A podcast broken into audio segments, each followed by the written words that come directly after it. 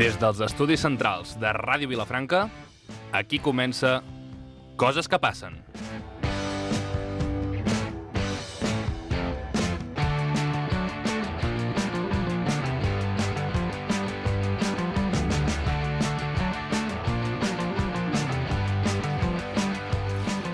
Bueno, quart dia a l'oficina, xavals. Avui ja anem una mica despullats, A l'ample, cada dia més a l'ample. Avui anem una mica... Una mica de caos. Sí, sí, sí.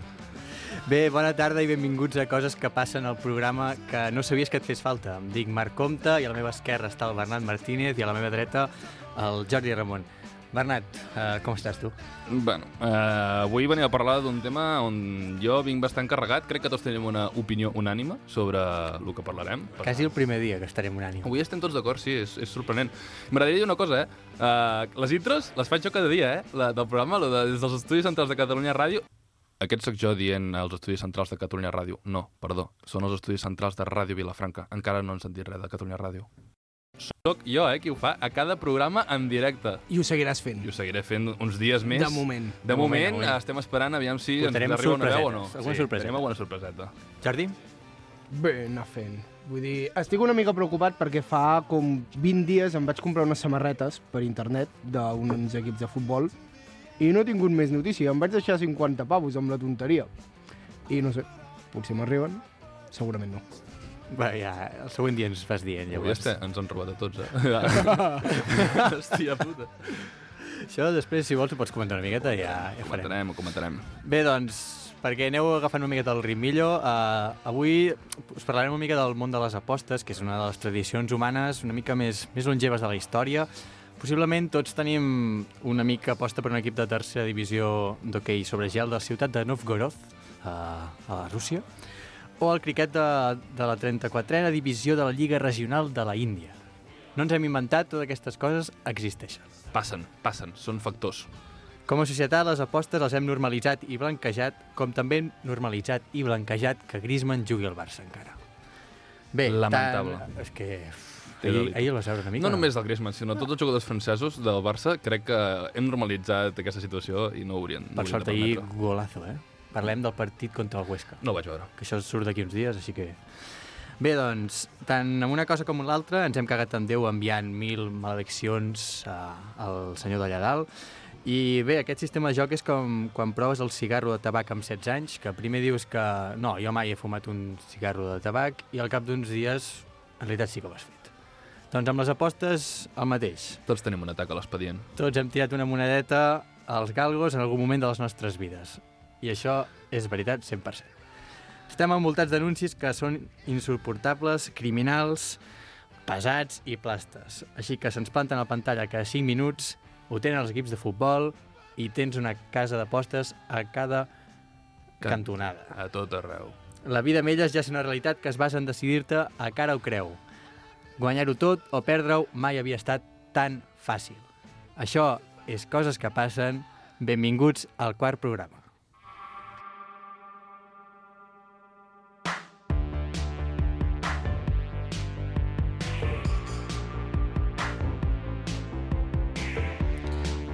Bé, doncs seguim una mica que ens anàvem reinventant, que ho dèiem del tertúlia fora, portem coses noves, doncs avui una miqueta més. Foc a totes les cases d'apostes, ja...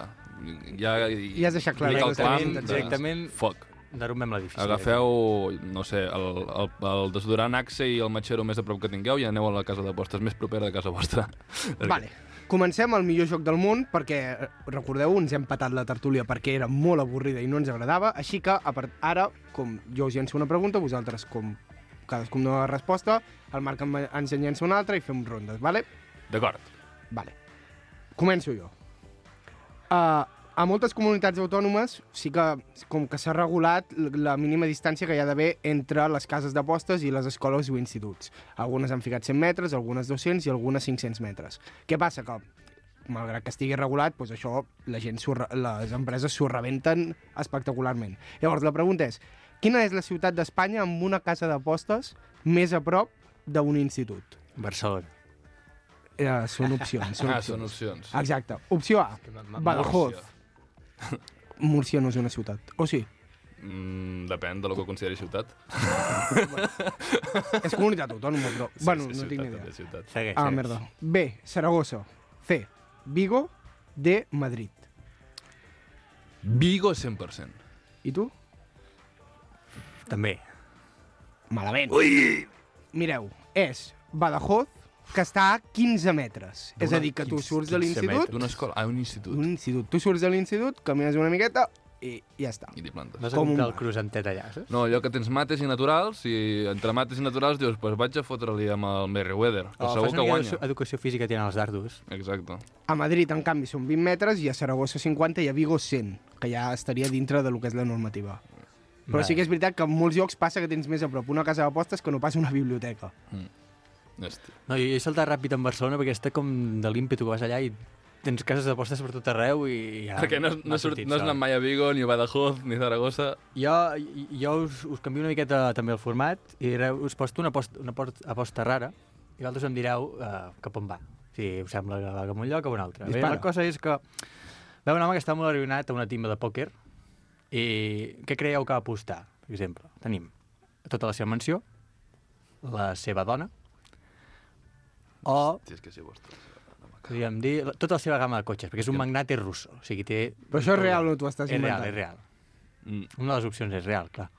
no pot apostar la seva dona, per tant no pot ser, no sé, no, no es pot És apostar. un magnate russo, jo no sé les lleis que hi ha a Però no es Rússia. pot apostar, no, bueno, no sé, Rússia quines lleis tenen, no es pot apostar, tio, no? Ja, jo dic que A la mansió. també la menció. La dona. No, no es pot, Explicació. La, el magnate russo anava molt, No molt, molt, molt just Que de pasta. era aquesta notícia, eh? no pot fer-ho, tio. No, no, no, pues em va pitjor encara. És, té la salsilla. El tio va apostar a la seva dona, va perdre, evidentment, i clar, com dius, Bernat, no pots apostar a una persona. Òbviament que no. Què va fer la dona? Doncs es va enterar del tema. cara. No, no. I va, i va dir, doncs pues me'n vaig i em tiro al guanyador de la timba. Doncs pues molt ben fet. I ben fet. O sigui, totalment d'acord amb això. Massa boomer, aquesta notícia. Massa no boomer, tio. A mi Endavant. tampoc. Segueix. Jo us les vaig passant. Jo les meves són les rares. Uh, Sí, hòstia, oloren a cafè i cigarro, eh, tio? Me cago en dena. Uh, la meva pregunta és que ara mateix entres a una casa d'apostes de la qual no diré el nom perquè no vull que ningú de nosaltres digui cap nom de casa d'apostes en tot el que queda de programa. Per Sí, tant, donaríem. li direm a partir d'ara un terme que utilitzen els meus amics que es diu és la soll de porcs. Per tant, ara tu entres a la web d'una soll de porcs Vale. i a què no pots apostar ara mateix? He buscat i he trobat, uh, aviam el que hi ha. Uh, A. El guanyador de Gran Hermano do Brasil 2021. Uh, qui serà el successor del papa Francesc? A quines parelles de la Isla de les Tentaciones seguiran i quines se separaran? O D, no hi dic cap de les lletres d'abans, ja veieu que la meva presentació de concurs seria nefasta. I la D, com es dirà el fill de Harry i Meghan? Ja ho sabeu, la famosa actriu americana i la seva parella, que és el net de la reina d'Anglaterra. Però el nen no nascut ja? Com es dirà? No nascut encara. O futur nen. O nena. Vale, vale, vale. Uh, clarament, jo... Di... O sigui, ets Ah. xungo, eh? Perquè els anglesos segur que aposten a això. Mm. Els Vull dir, anglesos aposten a tot. jo diria que la Isla de les Tentaciones perquè és com la típica que et penses que sí, però com que la gent, vull dir, no s'entera tant, saps? Els boomers jo crec que no ho miren. Quina era l'opció 2? Quin serà el successor del papa Francesc? És que són com molt bàsiques les altres. Jo vaig amb ell perquè un és el nom que dius, apostar per un nom és molt fàcil. O sigui, per tant... A part, el Vaticà, això del papa Francesc, deu ser el tema del dia, vull dir... Sí. Cada dia deu... A part, no sé quants anys deu tenir, però deu estar a punt de, de dinyar-la. Sí. Jo el veig bé, el d'ara, eh? Bueno, quina? el- Dinamisme. La primera. La isla, la isla! La isla i tu dius... La primera, i el primer també. No saps quina és. La isla també. No, ah, vale, la isla. Va, Va. efectivament, és la isla. Era massa fàcil aquesta, hosti. Vale, vale. Uh, em vaig jo ara. Uh, Carlos Sobera fa dos anys que va deixar de patrocinar cases d'apostes. Preguntat per aquest tema, quin motiu va donar per haver-ho deixat? A. Per què no li, perquè no li venia de gust fer publicitat controvertida. B. Perquè creu que el joc provoca ludopatia. C. Perquè el joc s'ha convertit en un problema tan greu com les drogues i l'alcohol. D. Per una experi- experiència familiar que li va tocar de prop. Sigui la que sigui, serà cínica. Uh, És que he fet l'esperçó de... ja amb les dues primeres estava un altre... Uh, perquè no li venia de gust fer publicitat controvertida No, o perquè creu que el joc provoca ludopatia. No, jo diré aquesta per, per, perquè sí. Ludopatia? I tu? Jo també espero que sigui aquesta. No, és perquè no li venia de gust fer publicitat controvertida. És... Va dir de plan... Eh, no va ser cínic? Però és, No, ja, és és el que va fer el de gana, gana, gana, no? Sí. Que... És el pitjor anunci segurament de la història de la televisió. I el que ha provat, provocat més addiccions. Exacte. I ara directe us vaig sense opcions, us vaig directe a Caraperro, em peto això també un moment, i us explico també una altra d'aquestes anècdotes rares. Un DJ eh, en una festa es va apostar 5 dòlars, quedeu-vos amb aquesta quantitat, a que aguantava un punt d'una dona. Hòstia, però és, que, que, Aquí cada, comencem. cada, cada posta és més polla vieja que l'altra, eh? Comencem malament, no? Mare de Déu. La Va, cosa. continua. La Tiffany Staff va acceptar fotent-li un punyot, el tio va acceptar i acte seguit va morir. O sigui, va caure al terra i va quedar allò planxat. Perquè se li havia patat una artèria del coll. Vale, i què? Ja està? No, no, és això. Has, has tret una anècdota? Ah, no Sí, tenim ni, ni no, no, possibilitat dir, de no hi ha ni contestar. possibilitat. Ah, hòstia. En quin moment ens hem reinventat aquesta secció, Marc? T'has esforçat, eh? Mare de Vale, Bernat. Vale. Uh, les cases d'apostes uh, et poden restringir uh, la quantitat per la qual tu fas una aposta.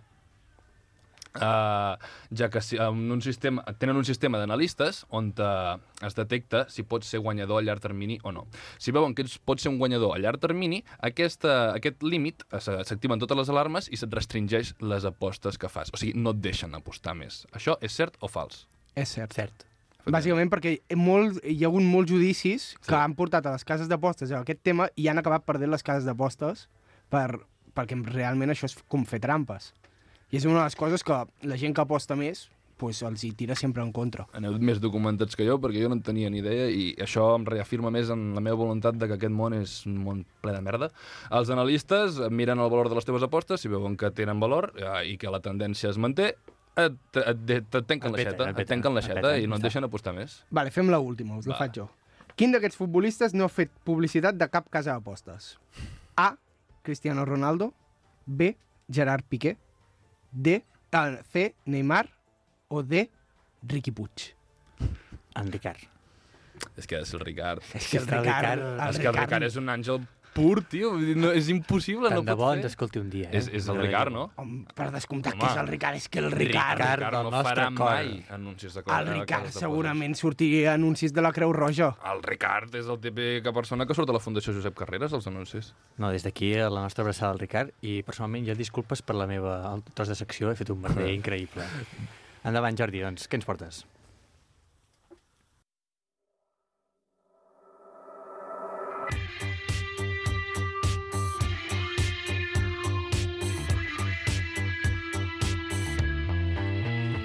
Vale, jo avui he estat bastant liat de feina, així que no m'he preparat gaires coses gracioses, simplement el que volia, pues, de tant en tant, portar com ciència, vale? I llavors, el que jo us vinc a explicar és el mecanisme que explica, sobretot, tant les addiccions a les xarxes socials com les addiccions a jocs com el Candy Crush, com uh, també a les apostes esportives. Vale? Llavors, és una història en dos actes, ¿vale? primer us explico la ciència i després us explico com les aplicacions d'enginyeria que té aquesta ciència. Tot plegat, és, el nom és el, com sistemes de recompensa variable. Llavors, um, els anys... Em fa gràcia perquè aquí som dos periodistes i un enginyer. L'únic que fa periodisme és l'enginyer. Tu Sí, i jo sí, sí. venim aquí que... A Uh, plantar el càmping. sí, tu sí, i jo no, venim a fer el no càmping. fem, fem aquí el, el, el shitposting, nosaltres. Ell porta tot el puzzle. Llavors, us explico. Als anys 50, un científic que es deia Skinner es va inventar una caixa que es deia caixa de Skinner, que, el que es dedi... i aquest senyor es dedicava a estudiar el comportament dels animals, a veure com reaccionaven. Llavors, la caixa aquesta consisteix en una caixa amb una palanca a dintre que té un, un, com un senyal sonor i una llumeta.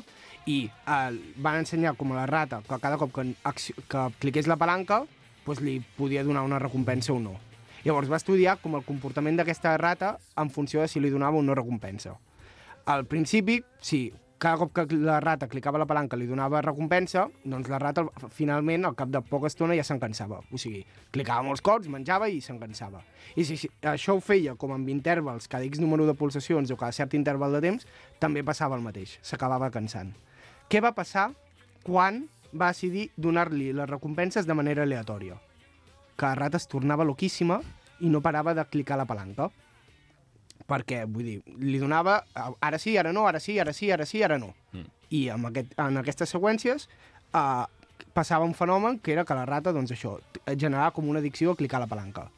I, i us estareu preguntant, vale, això, Això on què, t'aporta? això què té a veure amb nosaltres? som, som rates. Vale. Aquest fenomen es pot traslladar als éssers humans? La, res la resposta és sí. I em diràs, on hi ha una caixa de Skinner? Doncs pues hi ha una caixa de Skinner a cada bar, que és la màquina tragaperres, Tens raó. que té les llums, també té la palanqueta, i tu, bàsicament, pues, vas clicant i et dona recompenses de manera aleatòria. Llavors, um, la pregunta que es van fer és per què enganxa tant això de la recompensa variable? És a dir, per què això de que sigui aleatori ens enganxa tant? I la resposta està en la dopamina, que és aquest neurotransmissor que als anys 70 es van com flipar i van dir, vale, aquesta molècula doncs és la del plaer. I no. Però sí que és veritat que té molta influència en els sistemes de recompensa aleatòria. I llavors també, um, als anys 70 o 60, van repetir el mateix experiment amb els micos. I es van adonar que quan feien com aquests experiments de manera aleatòria, els nivells de dopamina es disparaven al principi. És a dir, tu abans de donar-li... Um, tu et ficaven com la, la senyal lluminosa, llavors la dopamina es disparava i era el que a tu et portava a clicar la palanqueta perquè et donés la recompensa. I un cop tenies la recompensa, ja et baixava la, La dopamina. palanqueta seria la taula de diàleg i la rata seria esquerra, no? De tant a... No? Sí, sí, sí. sí, sí. Més o menys. Eh, un paral·lelisme bastant concret. Llavors, la conclusió és que la dopamina ens fa sentir bé i és com el que ens motiva per fer un incenti eh, per tenir l'incentiu per acabar aconseguint una recompensa. I és davant d'aquests fenòmens d'incertesa que segreguem molta dopamina. I llavors, um, els éssers humans tenim com dos sistemes. El sistema de voler, que és aquest sistema que es regeix per la dopamina, i el sistema d'agradar, que és quan tu disfrutes, que llavors ja representa que se't para. Però sempre el sistema de voler és més fort que el d'agradar, perquè tu quan menges, per exemple, si algú menges molt, al final t'acabes empatxant i, hi ha un moment en què l'estómac et diu prou. I aquest és com el control que té la natura per dir-te, vale, el, lo xungo aquí està en quan al segle XXI ja manipulem aquests, aquests dos sistemes i els trampegem i fem coses rares. I creem bucles de dopamina que el que provoquen és addiccions. I si els creem de manera artificial, el nostre cos, com que és artificial, no ho entén i acabem generant com aquestes addiccions. I acabes volent retirar el cotxe, no? Per exemple? Increïble. Acaba, acabes demanant 170 pavos per Sí. retirar el cotxe. Bueno, és igual. De veritat. Um, llavors, això té com aplicacions. I les aplicacions amb les xarxes socials són, per exemple, amb les notificacions, que és com la senyal perquè vagis a mirar com l'acció. Un cop ja ets, i ja ets dins del bucle, entres a la xarxa, mires un post, i llavors és què fan per intentar-te mantenir dintre d'aquest bucle. Pues, per exemple, tens el lliscar o el clic, quan sempre que estàs a Instagram o a Twitter cliques per refrescar, això ve a ser bàsicament la palanca. És a dir, és la metàfora de la palanca que controles i a partir d'això busques tenir com un nou... com esperes tenir una recompensa. L'adrenalina del moment, de la possibilitat de l'èxit. Exacte, però aquest èxit és, és aleatori, perquè tu Exacte. sempre que cliques, no, potser en aquell moment no acabaràs satisfent la teva Per curiositat. tant, el que et dona l'adrenalina és l'aleatorietat de l'èxit. Exacte. Has vist? És tota una filosofia. És tota una filosofia, però és, és increïble, eh? Està sortint el Jordi professor aquí. No, no, si ens està educant avui, eh? No, però això també s'aplica, per exemple, quan hi ha l'escroll infinit, que és el que et fa TikTok, que estàs mirant un vídeo i de cop i volta, quan l'acabes ja, bimba, et ve el següent. O amb Netflix també, vols veure el següent episodi? I bàsicament això el que fa és anar-te mantenint dins d'aquest bucle de dopamina, que és el que t'acaba enganxant. I també passa amb les apostes esportives, que tens com notificacions constants per anar-te ficant al bucle, del plan, apostaries en això o no hi apostaries? I la immediatesa, que és que un cop reps aquesta senyal, abans no passava, però ara que tot és digital i amb internet, doncs és molt fàcil que tu t'enganxis i ja tinguis ràpidament la recompensa que estaves esperant. Mm. I ja està. Fins aquí la meva seria. Xapa. re- realment veníem com, com accelerats. Va, va, avui fotem tot malament. Ha arribat el Jordi. Però ha arribat Ens ha, ens ha situat Una lloc masterclass, això és una TED Talk, I eh? realment, o sigui... M'he patat coses, eh, perquè no volia anar just de temps. No, no, però- No, no, Està- aquí, està- a periodisme, al final hem, bé, arribat a una bé. mica de rigorositat en aquest Tot programa. contrastat, i feia oi? Falta. Sí, però és important, sobretot, aquesta base científica de... Al final som una rata dins d'una caixa que tira una palanca. Ja ho sabia, Sí, també. sí, Som unes rates tots plegats. Ara ho portarem una mica més a un, un tipus com de, com Xistes, de contes. xistes. Xistes. Com de contes, Bernat. Xistes, fes xistes. Com faràs aquest conte? Explica'ns.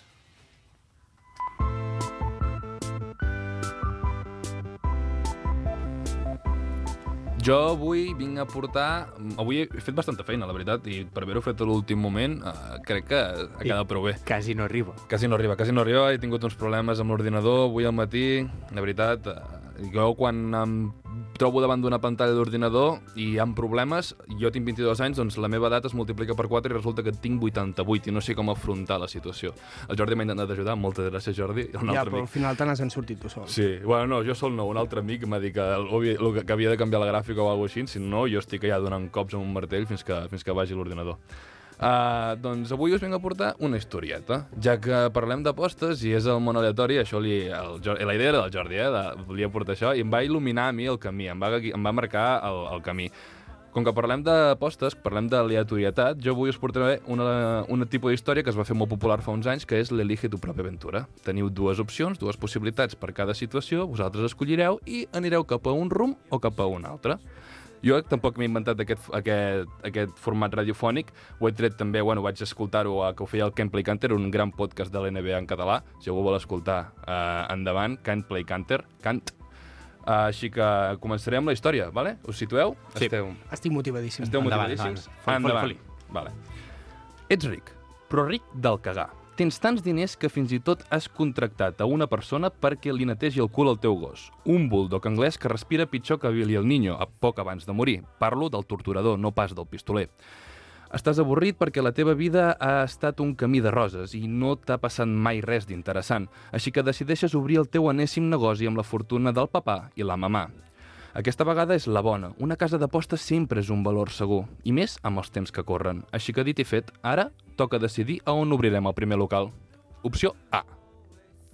Obrim, l'obrim al teu barri, Pedralbes, perquè no ets tonto i saps quines butxaques fan més bulto. Potser tindràs menys diners i mi, potser tindràs menys clients, però també t'asseguraràs unes inversions considerables. O bé, l'opció B, l'obrim a nou barris, entre el camp de la muntanyesa i la penya barcelonista, a uns metres de l'institut. Allà hauràs de fer el que més odies, que és conviure amb pobres, però també el que més t'agrada, que és empobrir-los encara més. Uau, això és xunguíssim, vull dir... A Jordi, o B? Què és que, fem? per una banda, putejar el ric sempre dona un molt de plaer i la història m'interessaria que anés cap allà, però jo crec que pot tenir molt més suc, Més suc la si oi? vas a putejar els pobres perquè és on et pots acarnissar més. Vosaltres direu? Fem-la bé. M'encanta aquesta bé. història. Fem-la La bé. B. A mi m'agrada molt també. Molt bona elecció. Si escolliríeu la A, fracassaríeu estrepitosament i la història s'acabaria perquè una casa d'apostes no triomfaria mai a Pedralbes. La gent de Pedralbes sap que només s'aposta a l'hipòdrom i al club de polo, així que en una casa no hi anirà mai ningú. Així que a la B eh, tindràs una, un nou local.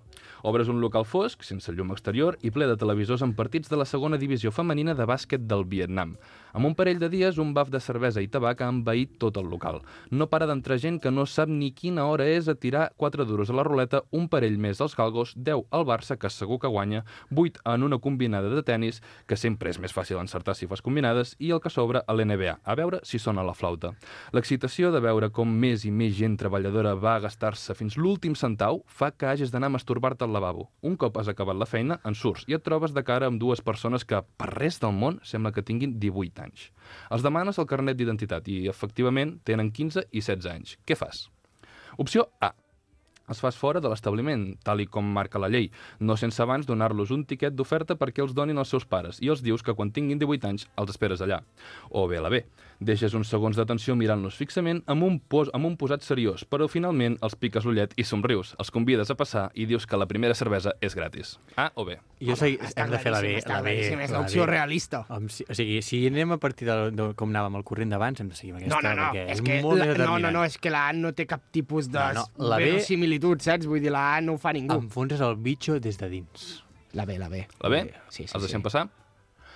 La teva permissivitat cap a la clientela menor fa que aviat allò mm, ràpidament sembli un, rapi, un pati d'institut. Aviat els joves són la teva principal font d'ingressos i davant la inacció de les institucions públiques tu, tu t'aprofites de la situació. El xollo no et dura massa, ja que una inspecció de treball, que és una en un milió que arriba en aquestes cases d'apostes, t'empura i et posa en el punt de mira. Molta mala sort.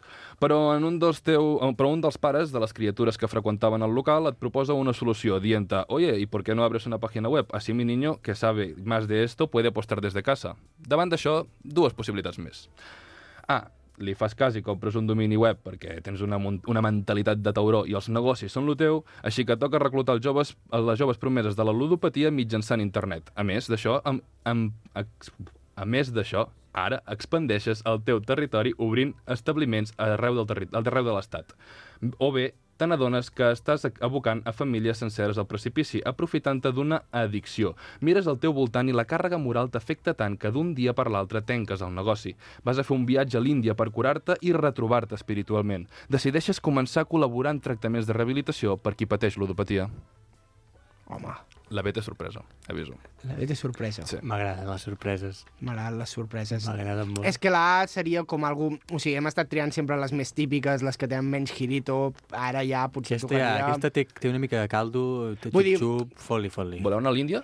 Vull anar Sí, sí, sí, anar a l'Índia? Vull anar a l'Índia. Anar Doncs et despertes del malson i li demanes a la Rosario, que, que és la teva minyona, que et canvi els llençols perquè t'has tornat a pixar al llit. Mai havia somiat amb sentir compassió cap a la plebe, però, però tant et fa perquè el teu matalàs de bitllets de 500 et permet dormir com un rei. Decideixes fer cas al, al pare del noi i crees una pàgina web que propulsa el negoci com si fos el cotxe oficial d'un president del govern durant el franquisme i aviat ascendeix fins al top 5 de pàgines d'apostes més importants de l'Estat. En un moment de lucidesa de decideixes jugar-te-la a tot o res. Gravaràs un anunci televisiu. A la primera reunió amb l'equip creatiu et proposen dues cares. Teniu dos noves opcions. A. Gerard Piqué, segur que accepta perquè el del contrari seria la primera figura del món de l'esport que dona l'esquena a les apostes, o, a més, tu i el Geri, com li dieu els col·legues, ja us coneixeu d'algun torneig de pòquer, així que té el joc a les venes i serà fàcil de convèncer. O la B. Antonio García Ferreras. No és periodista d'esports, però té aquelles pintes de periodista seriós a qui se l'ha de fer cas. I a la vegada amaga la seva altra faceta de ser capaç de follar-se un porc en prime time a canvi de quatre xavos. Què trieu, la A o la B? Mm, és que clar, És que la A torna a ser més mm, fàcil de triar, com la més previsible, però ja que ens hem embarcat en les sorpreses... Teniu dos possibles destins. Un porta la glòria, l'altre porta el fracàs. Us aviso. Ah, ara. sí? Sí. Hòstia, hòstia, la Glòria, jo vull Glòria. Bueno, Què espera. voleu, glòria o fracàs? Jo vull clarament fracàs. Voleu fracàs? Home, Us, vo- voleu fracàs i, i inventem la... Sí, no, sí. no, vull fracàs, vull Fracàs, fracàs. fracàs a tot. Fracàs, Gerard Piqué. Era evident, era evident, tenia el girito. Graveu l'anunci amb el Geri, com t'agrada dir-li, a tu, el Geri de tota la vida. Tot va rodat i quedeu un dia per fer una partideta així del chill, de pòquer. Les fitxes tan sols costaran un milió d'euros, que amb la pandèmia no estem per gastar massa. Quan esteu a punt d'emetre l'anunci, t'arriba una carta del govern avisant-te que amb la nova reforma de la llei no es poden emetre anuncis en figures esportives. Respons a la carta preguntant quants zeros necessita el xec que enviaràs al Ministeri de Consum per tal de poder emetre'l. Et responen que no es deixen subornar i es querellen en contra teva. Et cagues en el puto govern comunista que tenim i afirmes, que, ro- afirmes rotundament que vivim a Venezuela. En el fons, no et fa por la denúncia perquè ets ric i podràs contractar un bon advocat amic del jutge que et traurà de les castanyes del foc. El que realment et fa ràbia és que per primera vegada a la vida no puguis fer el que et roti amb absoluta llibertat. L'emprenyada va a més quan el, el cagamandúrries que tens de secretari pica la porta del despatx i t'avisa que, la teva, que la, que la teva casa d'apostes és l'objectiu de moltes associacions del barri, que aquesta nit han patit actes vandàlics i la majoria han estat incendiades. Per tal de comprovar-ho tu mateix, et plantes al mig de nou barris, just on vas obrir el primer establiment i on ara tan sols hi queden les brases. Enfonses la mà en una muntanya de cendra del terra i en reculls un grapat per deixar-la esvair amb el vent. Penses en el dramatisme de l'escena, que hauries d'haver estat director de cinema en comptes d'un magnànim de les apostes. Et gires per tornar a la limusina i, patapam, un repartidor de globo t'atropella amb la bicicleta i et trenca tota la potència cinematogràfica del moment. Massa poc, per flipat. De pas, també t'esgarra la vida, el de dandi que tenies, perquè caus de morros a terra i piques tan malament amb la vorera que, de cau, que del cop et quedes fulminat. De, en danys irreparables i cap al clot a criar malves, tros de cabró. Així que avui, demà i sempre, foc a tots els xiringos. Hòstia, Que maco. que bonic. De veritat, Bellesa pura. no aposteu. Uh, no ho feu. Aquesta merda arruïna vides de joves, de gent com nosaltres que tenim 22 anys i que es, es veuen abocats al fracàs. Et destrossa la vida. Això és una droga i no ho emeten a les notícies. La marihuana està, està banejada de tot arreu, està censurada. L'alcohol també. Les apostes no tenen per què ser, uh, no tenen per què uh, Ser una excepció. La, ser una excepció. Hem d'acabar amb aquesta lacra. Ja, ara mateix. I, si, i som joves, hòstia, vull dir, plantem-hi cara amb aquesta merda. I tot és tan fàcil sigui, com... coses que passen. Això ho diem en I sèrio, ho dic, i, i ara ja no i és em sap greu comèdia... parlar, em sap greu ni- parlar malament, però emprenya això. No, o sigui, no, ho sabem, a tots ens toca. Collons. Sí, ja està. Bé, doncs, si plau, intenteu agafar consciència una mica amb aquest problema, no aposteu o intenteu evitar-ho, ni que sigui. Uh, ens podeu trobar a Spotify, a ebooks, seguiu-nos a les nostres xarxes, Twitter, TikTok, des de la setmana passada. I res, gaudiu foc a tots els xiringos, I novament. foc a totes les cases d'apostes. Va, home! Això és coses que passen. La vida es una tómbola, tom, tom, tómbola de luz y de color, de luz y de color. Y todos en la tómbola, tom, tom, tómbola, y todos en la tómbola, tom, tom, tómbola, encuentran un amor.